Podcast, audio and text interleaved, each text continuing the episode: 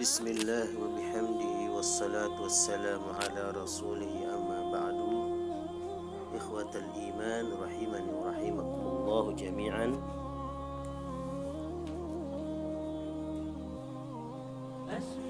Alhamdulillah pada pagi hari ini Allah Subhanahu wa taala masih memberikan kita kesempatan untuk melakukan kebaikan-kebaikan eh, sesuai dengan kadar hidayah dan taufik yang Allah Subhanahu wa taala berikan kepada masing-masing kita. Ikhwatal iman rahimakumullah. Pada kesempatan kali ini kita akan berbincang ringan tentang sesuatu yang sangat berat yakni tentang kesyirikan. Bahwa kita sering mendengar dosa syirik itu tidak diampuni pada zaman kita sekarang ini orang e, begitu heboh kalau berbicara tentang beberapa dosa besar. Misalnya seluruh Indonesia akan ribut kalau uh, ada ditemukan seorang pejabat melakukan korupsi miliar rupiah. Kemudian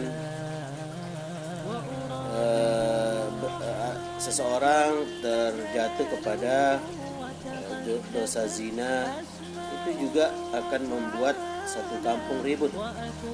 Akan tetapi jika ada seorang yang percaya pada ramalan bintang, meyakini ampunya pelet dan jimat, meyakini bahwa jika ingin doa mudah dikabulkan maka bertawasullah kepada wali yang telah meninggal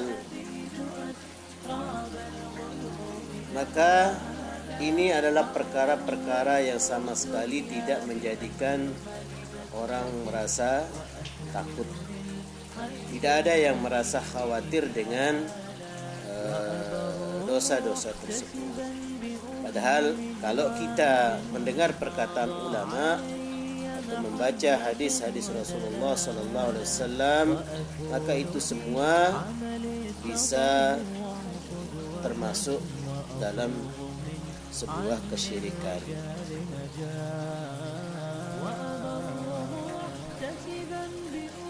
Padahal di sisi Allah jika dosa syirik tidak bertaubat sebelum mati maka dosa tersebut tidak akan diampuni.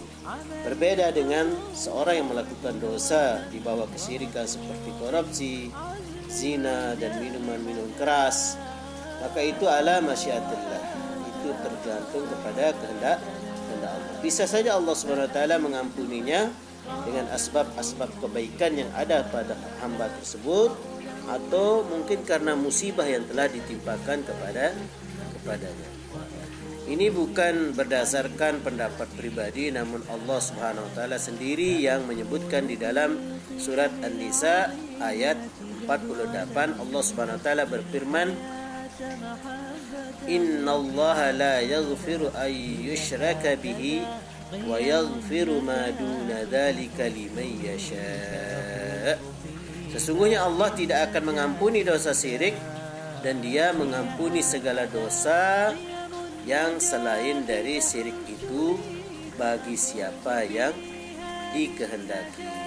Ibnu Kasir dalam kitab tafsirnya berkata, Allah Ta'ala tidak akan mengampuni dosa syirik yaitu ketika seorang hamba bertemu Allah dalam keadaan berbuat syirik. Maksud ayat ini kata Ibnu Jauzi yaitu Allah tidak akan mengampuni pelaku syirik yang ia mati dalam kesyirikannya. Artinya dia belum sempat bertobat ketika dia masih hidup di atas dunia. Yang dimaksud dengan mengampuni dalam ayat di atas bermakna bahwa Allah akan menutupi, memaafkan.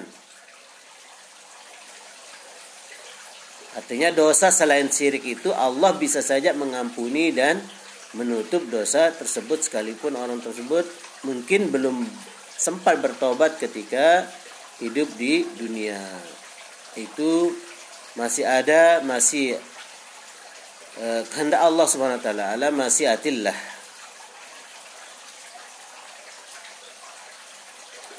Nah itulah bahaya daripada pada syirik.